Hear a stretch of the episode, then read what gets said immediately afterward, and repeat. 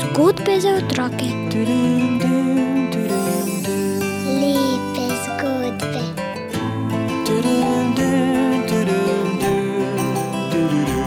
Bere nam jih Juri Sešer.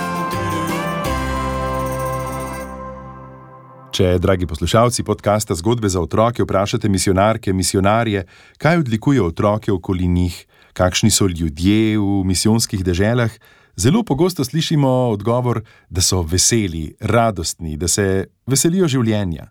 In to potrjuje tudi sestra Vesna Hiti, ki deluje v Burundiju, v Afriki. Poslala je tale kratek zapis: Znajo se veseliti vsake pozornosti, je zapisala v naslov. Naši otroci s posebnimi potrebami molijo na poseben način in njihove molitve so prav gotovo uslišane. O tem pričuje čudoviti center Akamuri, ki je prav gotovo zrasel po zaslugi in ustrajnih molitvah ter hrepenenju naših otrok.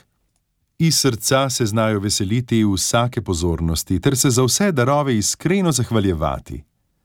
Vsako jutro se ob prihodu v center zberemo na dvorišču k jutranji molitvi. Otroci jo mnogokrat spontano oblikujejo in karizmatično popestrijo. Vsak četrtek imamo v kapeli svetomašo, ki je na vso moč animirana. Spontane prošnje bi šle lahko v nedogled, če bi naš župnik ne znal ljubeznivo, a odločno povedati, da bo kar dovolj in da bomo čez teden dni spet nadaljevali.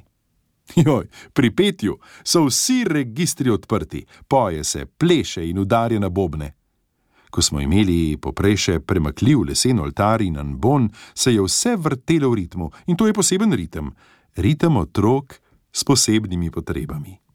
Zdaj v obnovljeni kapeli imamo vsaj kamniti oltar in anbon, ki ga ne morejo premikati, pa še klopi so v tla zacementirane, da ostanejo na mestu. Bog pa s posebno ljubečim očesom zre na naše otroke in prek njih smo tudi mi, ki smo z njimi na poseben način blagoslovljeni. Je pisala sestra Vesna Hiti iz Burundija. Sestra Ljudmila Anžič pa je razmišljala o poslanstvu misionarke.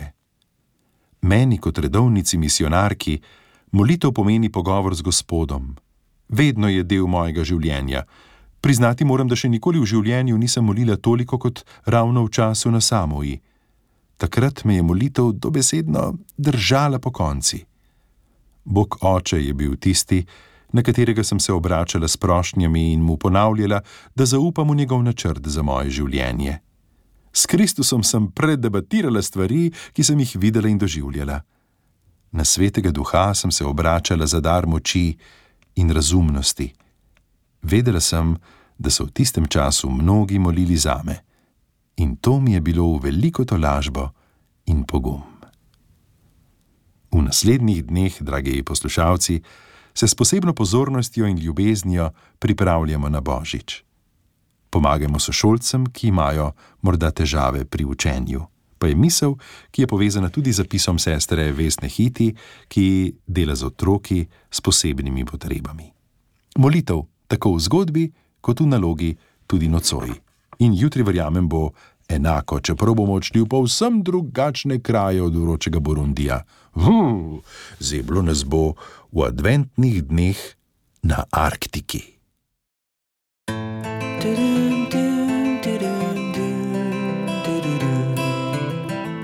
Zgodbe za otroke.